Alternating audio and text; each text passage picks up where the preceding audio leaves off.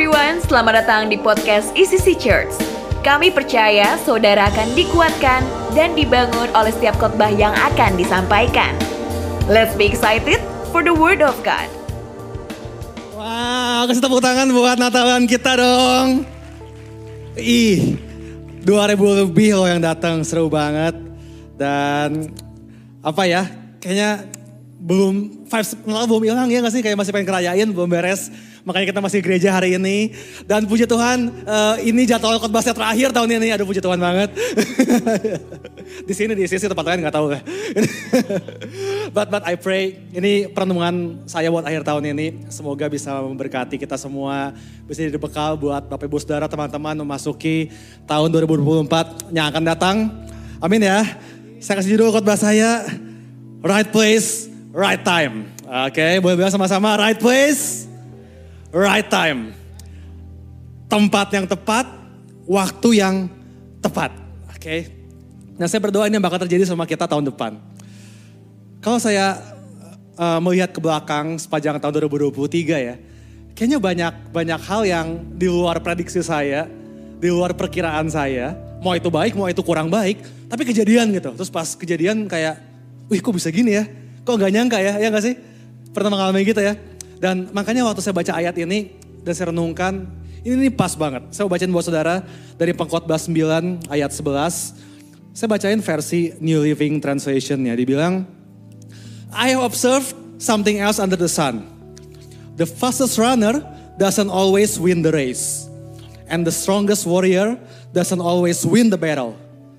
The wise sometimes go hungry. And the skillful are not necessarily wealthy. And those who are educated don't always lead successful lives. Perhatikan kalimat terakhir. It is all decided by chance by being in the right place at the right time. Sudah tahu ini ayat ditulis sama orang yang katanya manusia paling berhikmat, paling pintar sepanjang sejarah, yaitu Raja Salomo. Dan dia bilang dia dia mengamati tuh bahwa ternyata yang paling cepat nggak selalu juara, yang paling kuat nggak selalu menang dalam pertempuran dibilangnya.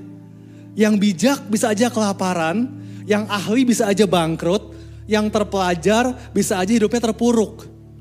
Bener banget gak sih? Kita kayak kita sering dengar ya orang punya nggak punya pengalaman, eh, nggak uh, terlalu menonjol, biasa-biasa aja. Tahu-tahu dia dapat peluang bagus, tahu-tahu ketemu orang yang tepat dan bam, mendadak dia jadi orang sukses tuh.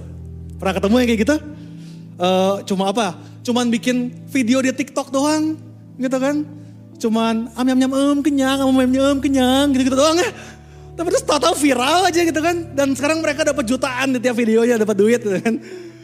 Padahal kayaknya kalau dipikir ya, yang lebih cantik banyak, yang lebih jago banyak, yang lebih pengalaman banyak, tapi yang viralnya mereka ya.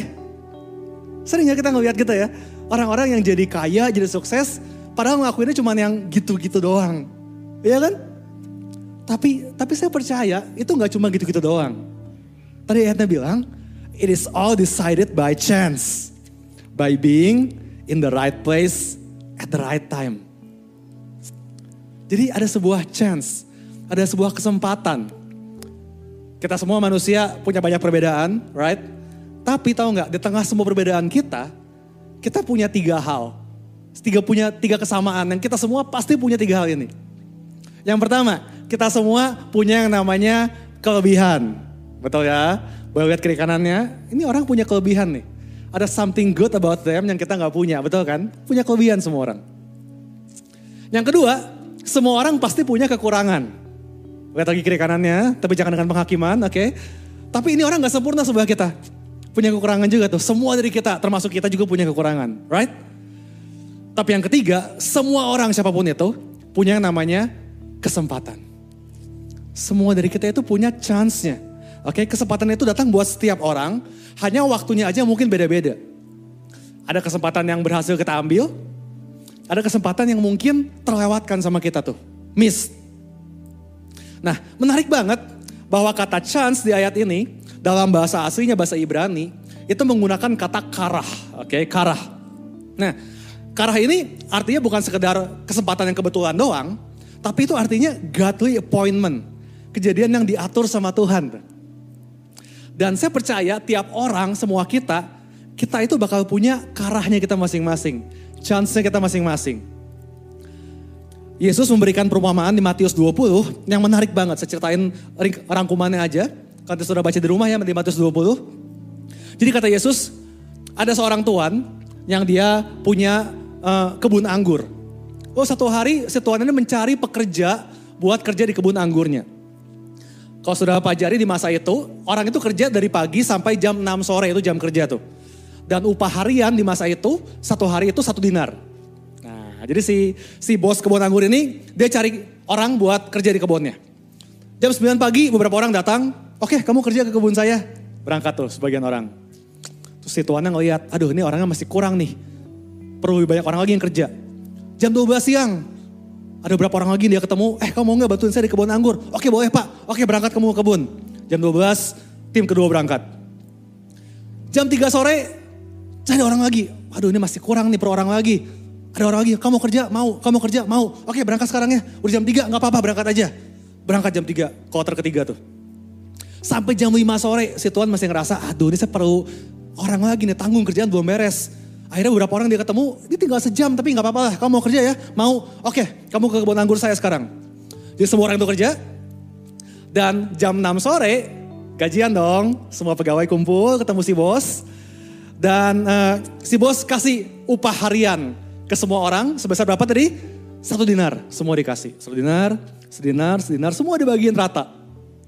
Wah, waktu ngeliat itu upah, orang yang kerja mulai dari jam 9 pagi, Protes dong gak terima. Bos, yang bener bos, saya kerja seharian, masa upahnya sama sama yang kerja cuma sejam, dari jam 5 datang, jam 6 pulang, sama upahnya bos. Protes mereka. Dan lihat jawaban setuannya. Di Matius 20 ayat 15. Tuannya menjawab gini. Tidakkah aku bebas mempergunakan milikku menurut kehendak hatiku? Atau iri hatikah engkau karena aku murah hati? Tuannya jawab kita tuh. Kalau dalam bahasa Sunda mungkin Tuannya bilang, maaf kalau agak kasar ya. Tuannya bilang, kumaha aing we, ada duit-duit aing. Iya kan? Itu serang suka-suka yang ngasih kan. Dia bilang, toh yang kerja dari jam 9 pagi, dikasih upahnya ya upah sehari, fair kok. Sesuai dengan standarnya gitu kan. Sementara yang datang jam 5, dapat sedenar juga, ya itu sih rezekinya dia. It's his chance. Itu karahnya dia. He happened to be in the right place at the right time. Pas si bos butuh, meskipun cuma sejam, eh dia kepake tuh dibawa tuh. Itu chance dia. Jadi Bapak Ibu, kita tuh kita tuh nggak perlu ngebandingin kesempatan kita sama orang lain. Tugas kita adalah menjadi pengelola yang baik, good steward, because we will have our own chance. Nggak usah iri sama kesempatan orang lain, percaya aja nanti bakal ada gilirannya kita. Amin. Karena setiap orang pasti dapat kesempatan. Terjemahan Navia bilang bahwa time and chance happen to them all. Dia bilangnya. Setiap kita. Setiap kita tanpa kecuali. Bakal ada tuh karahnya kita. Our right place. Our right time. Amin. Now, yuk kita kupas lebih dalam tentang yang namanya time atau waktu. Kan tadi dibilang tuh, yang cepat belum tentu juara, yang kuat belum tentu menang. Yang pinter belum tentu sukses. Kan gitu. Karena ternyata mau orang secepat apa pun, sekuat apa pun, sepinter apa pun, seganteng, secantik apa pun, nggak ada seorang pun dari mereka yang bisa mengendalikan yang namanya waktu. Setuju nggak? Iya kan? Beberapa jemaat di sini saya tahu ada yang expert banget di dunia saham. Wah trading paling jago, analisanya mantep banget, level dewa kata orang gitu ya. Tapi setuju nggak sih bahwa sehebat apa pun kita, sejago apa pun analisa kita, tetap kita nggak bakal pernah tahu timing yang 100% pasti tepat nih buat beli sekarang atau jual sekarang. Itu nggak bisa ngejamin tuh, tetap. Even the smartest person cannot always tell the right time. Kita perlu kasih karunia Tuhan, kita perlu hikmatnya Tuhan buat tentuin itu. Only God can can orchestrate the right timing. Cuma Tuhan yang bisa me, me, mengatur waktu yang tepat itu. Betul ya? Nah, baik lagi dalam bahasa Ibrani, kata waktu ini menggunakan kata et. Oke, okay, et. Ini bukan ethereum ya, ini et ini artinya waktu dalam bahasa Ibrani. Nah, kalau kita baca Alkitab, kita perlu selalu perhatikan kapan pertama kali kata itu muncul? Karena biasanya pertama kali kata itu muncul itu punya makna yang signifikan banget. So kita perlu pelajari. Nah tahu nggak kata earth ini, kata waktu ini pertama kali muncul di Alkitab itu di kisah Nabi Nuh. Oke, semua tahu kisahnya ya. Waktu itu air bah mau datang, lalu Nuh dia bawa semua keluarganya ke dalam bahtera, dia bawa semua hewan-hewan ke dalam bahtera, ya kan? Dan kemudian air bah menenggelamkan bumi selama 150 hari dibilang. Nah setelah air bah mulai surut, uh, Nuh ini masih galau nih dalam kapal. Aduh ini saya keluar sekarang nggak ya? Uh, udah aman belum di luar ya? Kalau saya keluar selamat nggak ya? Akhirnya Nuh itu ngetes dulu, ngecek. Cara ngeceknya gimana? Dibilang Nuh itu melepaskan burung merpati buat memberi, kasih dia petunjuk. Udah aman atau belum di luar. Lihat di kejadian 8 ayat 11. Jadi Nuh melepaskan burung merpati dan dibilang menjelang waktu senja pulanglah burung merpati itu mendapatkan Nuh. Dan pada paruhnya dibawanya Allah sehelai daun zaitun yang segar. Dari situ diketahuilah Nuh bahwa air itu telah berkurang dari atas bumi. Jadi waktu si burung merpati balik bawa daun, Nuh tahu, oh berarti ini pohon udah gak kerendam nih. Udah surut berarti nih banjirnya nih. Berarti udah udah aman di luar. Oke? Okay? Dan kalau kita lihat di sini ada kata waktu. Inilah pertama kalinya kata at, kata waktu itu muncul di surah Alkitab. Ya. Dan menarik banget karena ternyata kata waktu ini pertama kali muncul saat burung merpati datang memberikan petunjuk pada Nuh. Dan kita tahu dong, kalau di Alkitab burung merpati itu melambangkan siapa? Roh Kudus, Holy Spirit. Jadi ternyata Bapak Ibu Saudara, Roh Kudus adalah pribadi yang akan menunjukkan kepada kita at waktu. Holy Spirit is the one that will lead us to the right time, to the right place. Amin. Roh Kudus yang bawa kita tuh, menuntun kita. Ketika mungkin hidup lagi kerasa kosong gitu ya, nggak jelas. Terus mungkin kita lagi duduk sendirian di cafe monsun di bawah gitu ya hari Minggu. Duh ngapain ya hidup kayak begini. Tiba-tiba ada temen lewat tuh, ada temen lewat. Eh, lagi ngapain di sini? Ngapa-ngapain sih nggak tahu nih. Eh, gue mau ke gereja di atas ke ICC, ikut aja bareng yuk. Terus kita ikut sama teman kita ke atas ke tempat ini. Weh, ketemu Tuhan di sini. Kita langsung menemukan Tuhan, kita menemukan komunitas, kita tertanam di gereja tuh. Tiba-tiba. Ke gereja udah, tapi masalah hidup masih ada ya. Terus kita masih bergumul karena udah berapa bulan nganggur nggak punya kerjaan. Jadi suatu hari minggu, beres ibadah di sisi, turun ke bawah makan bareng teman-teman di Monsun. Nah, kan promosi lagi gue. makan sama teman-teman komsel, pas lagi makan dikenalin tuh, eh tahu nggak ini teman baru kita? Dia itu baru buka toko loh. Wah ngobrol-ngobrol, tadi bilangin, eh tapi saya itu ya lagi cari manajer buat toko saya. Eh kebetulan nih ini lagi nggak lagi nyari kerjaan nih. Weh ngobrol lagi jadi cocok deh dapat kerjaan hari itu. Wih, yang gitu banyak banget kisahnya loh. Sekarang udah punya komunitas, udah punya kerjaan, right? Masih ada yang kurang. Ini udah bertahun-tahun jomblo mulu nih nggak punya pacar. Aduh, jadi pasangan hidup di mana ya? Suatu hari galau lagi gitu ya, merenung lagi sendirian, minum kopi sendirian. Di mana minum kopinya? Di monsun lah ya, lagi minum kopi sendirian. Eh tahu-tahu di meja seberang ada yang lagi ngopi juga tuh cantik sendirian. Asik, kita lagi ngopi, lagi ngopi. Terus kita memandang, dia juga memandang. Kita senyum, eh dia juga ikut senyum. Asik, kenalan deh. Kenalan, jadian, eh sampai ke pelaminan. Wah. Kita lihat itu terjadi loh. Kebetulan, demi kebetulan, demi kebetulan. Yang saya yakin itu bukan kebetulan saya percaya bahwa semua itu terjadi berkat apa coba? Berkat monsun. Bukanlah, berkat Holy Spirit. Berkat Roh Kudus, amin. Karena ada Roh Kudus yang bekerja. Saat kita mengandalkan Roh Kudus, He will guide us. Tadi, He will orchestrate our lives. And He will bring us to the right place, to the right time. Saudara, 2024 nanti, tahun depan, maybe dunia gak jadi lebih baik, Mungkin tantangan hidup gak jadi lebih mudah. But if we depend on the Holy Spirit. Kalau kita bergantung sama roh kudus. Saya percaya banget bahwa roh kudus akan menuntun kita. To be in the right place, at the right time, to enjoy God's favor. Yang percaya katakan amin. Amin, amin, amin. Wow. So, saya mau kasih lihat kisah lain di mana kata at atau waktu tadi muncul lagi di Alkitab nih. Yaitu ketika Tuhan dalam wujud malaikat datang ke rumah Abram dan memberitahu Abram dan Sarah bahwa mereka akan melahirkan anak laki-laki di usia tuanya. Kejadian 18 ayat 14. Oke. Jadi ini ini perkataan Tuhan ya ke Abraham sama Sarah. Adakah sesuatu apa pun yang mustahil untuk Tuhan? Pada waktu yang telah ditetapkan itu, tahun depan, bilang sama-sama tahun depan. Oke, bro banyak yang mau mengimani tahun depan adalah waktu yang ditetapkan Tuhan. Amin. Amin, amin. Tahun depan, kata Tuhan, aku akan kembali mendapatkan engkau.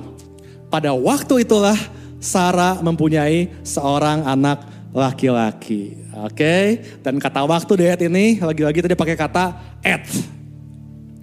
Nah yang menarik, Rasul Paulus di suratnya kepada jemaat di Roma, dia mengutip kisah ini. Saya bacakan di Roma 9 ayat 9 dari depan juga ya. Dibilang, sebab firman ini mengandung janji kata Paulus. Pada waktu seperti inilah, aku akan datang dan Sarah akan mempunyai seorang anak laki-laki. Jadi Paulus lagi menceritakan ulang kisah ketika Tuhan menghampiri Abraham dan Sarah dan memberikan janjinya. Nah kita perlu tahu bahwa Alkitab kita itu dalam bahasa aslinya memakai dua bahasa yang berbeda. Perjanjian lama itu di bahasa aslinya itu menggunakan bahasa Ibrani tadi.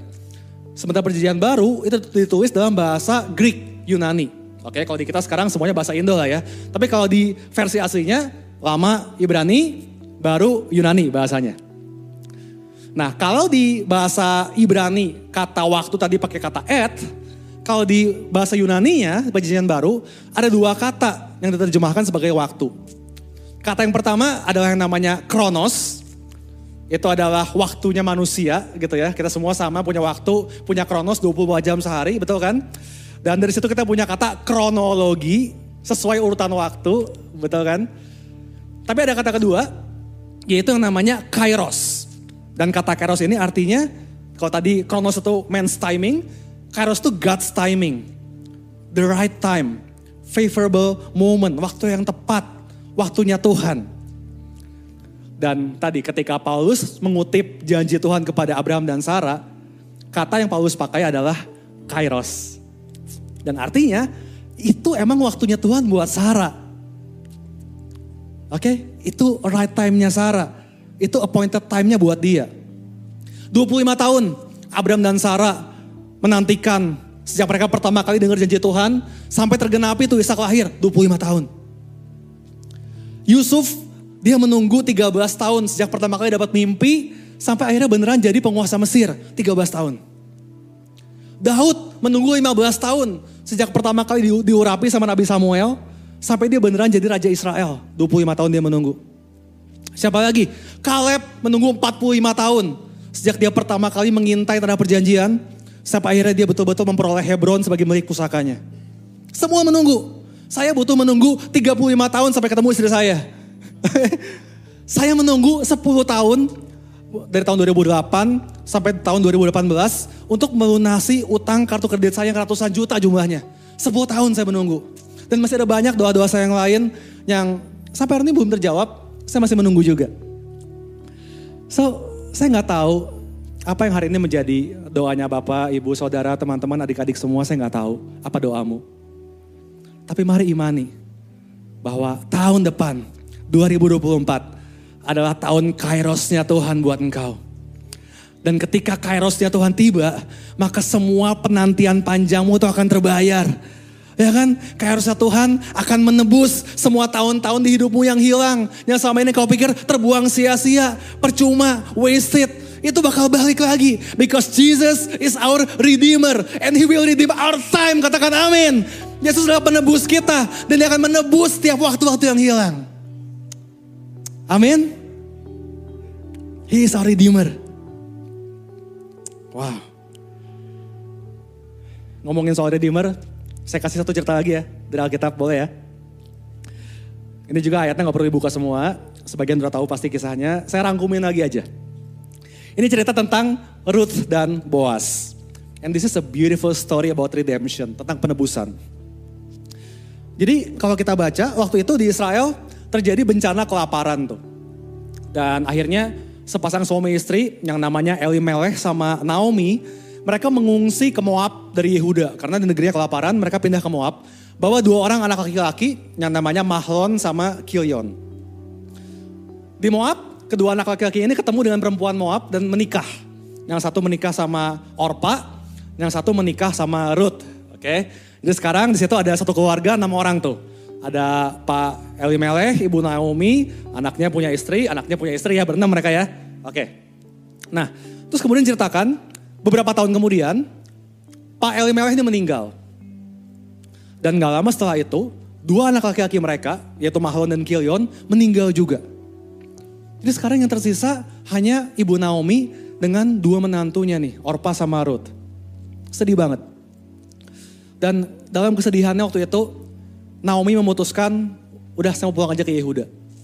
Dan dia bilang kedua menantunya ini yang perempuan Moab, dibilang, kalian kan orang sini, udah gak apa-apa gak usah ikut saya, kamu pulang ke rumah orang tua kamu, kamu nikah lagi deh di sini. Masa depan kamu masih panjang, kalian masih muda, masih cantik. Sok sana, gak usah ikut saya. Jadi setelah berpeluk-pelukan, Orpa pun pergi meninggalkan Naomi. Tapi Ruth waktu itu bagus banget apa yang dia bilang di Ruth 1 ayat 16. But Ruth replied ketika Naomi bilang, kamu pulang aja. Ruth menjawab, Don't ask me to leave you and turn back. Wherever you go, I will go. Wherever you live, I will live. Your people will be my people. And your God will be my God. Wih gila. Ini menantu idaman banget gak sih? Saya yakin Bapak Ibu semua pengen punya menantu kayak gini. Iya kan? Keren banget. Si, jadi Ruth ini gak mau meninggalkan mertuanya sendirian. So akhirnya Ruth mengikuti Naomi yang udah jadi janda miskin waktu itu kembali ke Yehuda. Dan saking mereka miskin waktu itu, maka Ruth harus bekerja untuk mengumpulkan sisa-sisa panenan gandum yang jatuh di ladang. Jadi tradisi zaman itu aturannya, kalau misalnya orang punya ladang nih ya, terus panen musim panen, kan metikin gandum tuh. Ketika ada gandum yang jatuh di bawah, nggak sengaja lagi panen ada yang jatuh, maka mereka nggak boleh ngambil apa yang jatuh itu. Karena artinya apa yang jatuh itu adalah bagiannya orang miskin. Itu aturannya.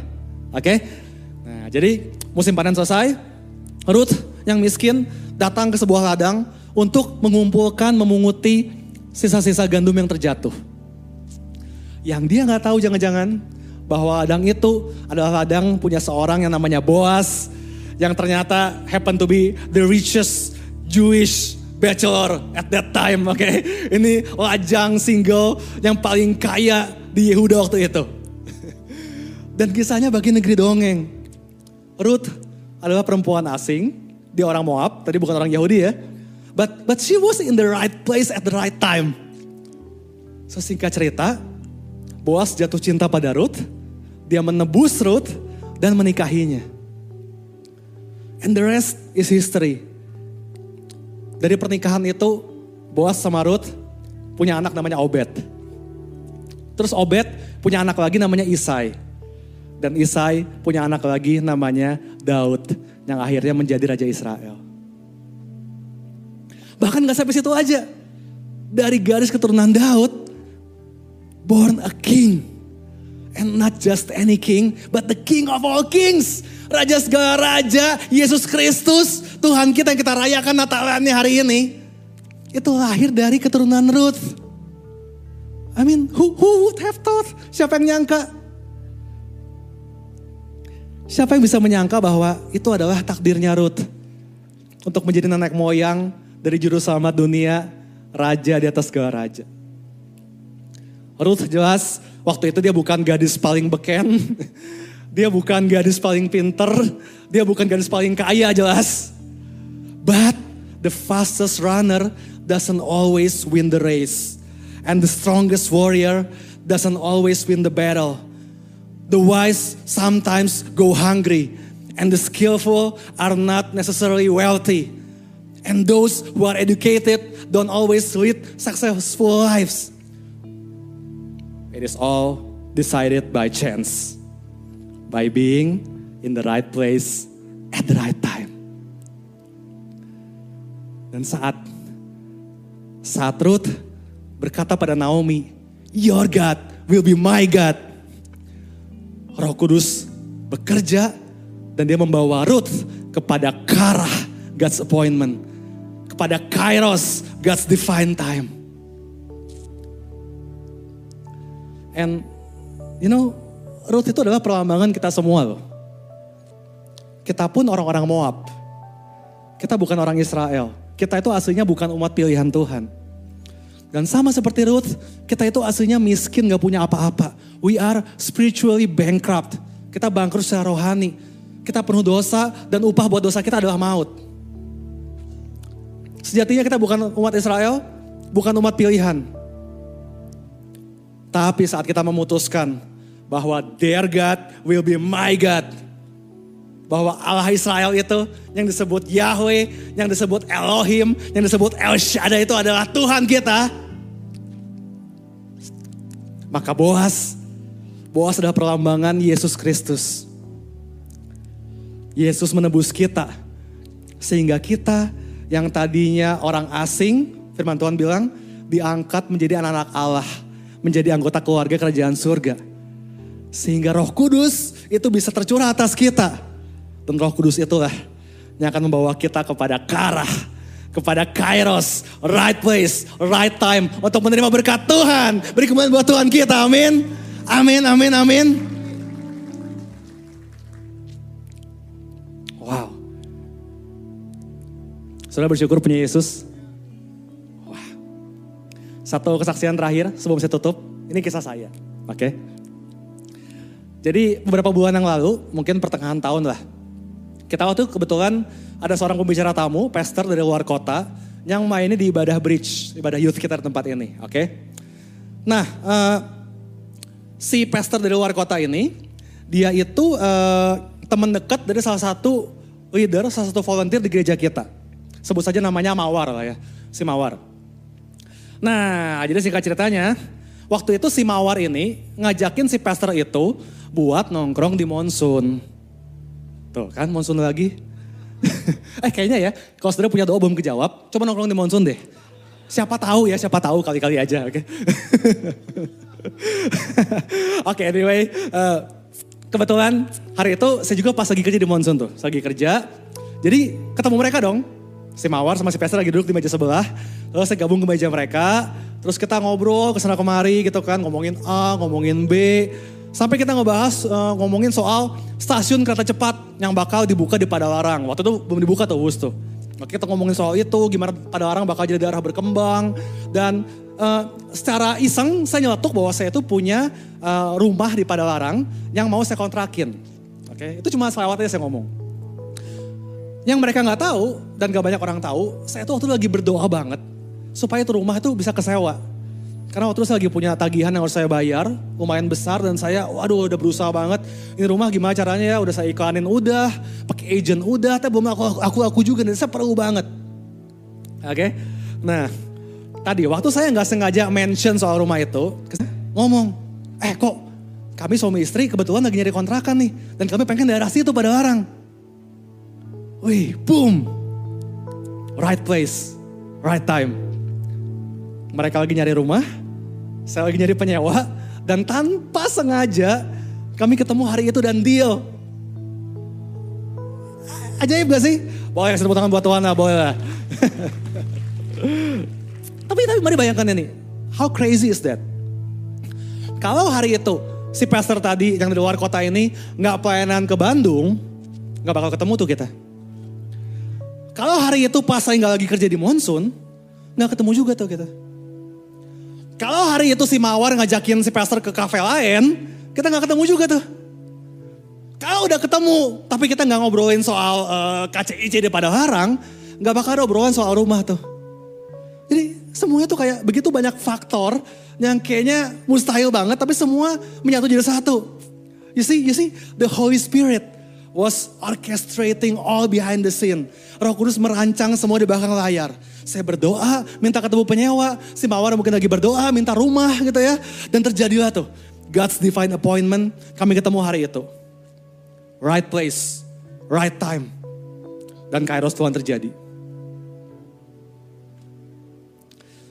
And I really pray, saya berdoa dan saya sangat percaya. Tahun 2024 akan ada banyak kesaksian seperti ini.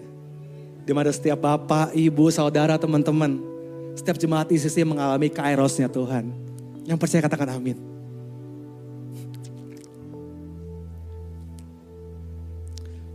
Dua ayat terakhir sebelum saya tutup. Yang saudara perlu pegang ayat ini menghadapi tahun 2024 nanti. Dari Rasul Paulus juga suratnya kepada jemaat Galatia di Galatia 6 ayat 9. Paulus bilang, So, let's not get tired of doing what is good. At just the right time, we will reap a harvest of blessing if we don't give up. Oke, okay? at the right time. Tebak kata the right time ini pakai pakai kata apa dalam bahasa aslinya? Kairos lagi, oke? Okay? God's appointed time. Pada waktunya Tuhan dibilang kita akan menuai berkat. Kalau apa? Kalau kita nggak menyerah. If we don't give up. If we don't give up. Boleh bilang kiri kanannya don't give up. Don't give up. Don't give up. Don't give up. Jangan nyerah. Jangan nyerah. Jangan nyerah. Because your kairos is coming. Kairosmu itu segera datang. Jangan menyerah buat ngapain? Ayatnya bilang, let's not get tired of doing what is good. Dibilang. Dalam melakukan usaha yang baik. So we must do something? Okay? Kita perlu bekerja, kita lakukan apa yang kita bisa, kita berikan effort kita yang terbaik. Menantikan kesempatan Tuhan itu bukan berarti lalu kita malas-malesan, gak ngapa-ngapain gitu kan, gak kerja, gak bikin planning, gak nabung, ya semoga nanti uang jatuh dari langit. Gak bisa kayak gitu, oke? Okay? Success is chance plus preparation. Itu rumusnya kan? Sukses adalah uh, kesempatan tambah persiapan. Jadi kereta itu pasti datang sih. Tapi kalau kita telat nyampe ke stasiun, kita bakal miss juga tuh kereta. So we still need to give our best effort. Supaya ketika waktunya Tuhan itu datang, kita udah siap. Oke, okay? do what is good, itu yang pertama. Dan hal kedua, terakhir yang kita gak boleh nyerah, ada di ayat berikutnya, di ayat 10-nya. Dibilang, take advantage of every opportunity. Tebak nih, kata opportunity pakai kata apa? Kairos lagi dibilangnya. Ambil keuntungan dari, ambil kesempatan dari setiap kairos. Untuk apa? to be a blessing to others. Menjadi berkat bagi orang lain, khususnya saudara-saudara seiman kita. Jadi ternyata Bapak Ibu, teman-teman, di saat kita masih menantikan kairosnya Tuhan buat hidup kita pribadi, ketahuilah ada peranan kita untuk mewujudkan kairosnya Tuhan dalam kehidupan orang lain. So everyone, mari, mari, mari 2024, let's not get tired of doing good. Jangan lelah melakukan apa yang baik. Oke? Okay? Don't give up, jangan menyerah. And let's keep on being a blessing to others. Mari selalu berusaha untuk menjadi berkat bagi orang lain. Nantikan kairosnya Tuhan untuk hidupmu. Dan jadilah bagian dari kairosnya Tuhan untuk sekitarmu. I pray and I believe once again. Tahun depan, tahun 2024 Roh Kudus akan membawa setiap saudara ke tempat yang tepat, ke waktu yang tepat, the right place and the right time. Amin. Saya percaya ini pesan yang khusus buat setiap kita yang mendengarkan. We pray that this message will bless you and build you. See you at the next podcast.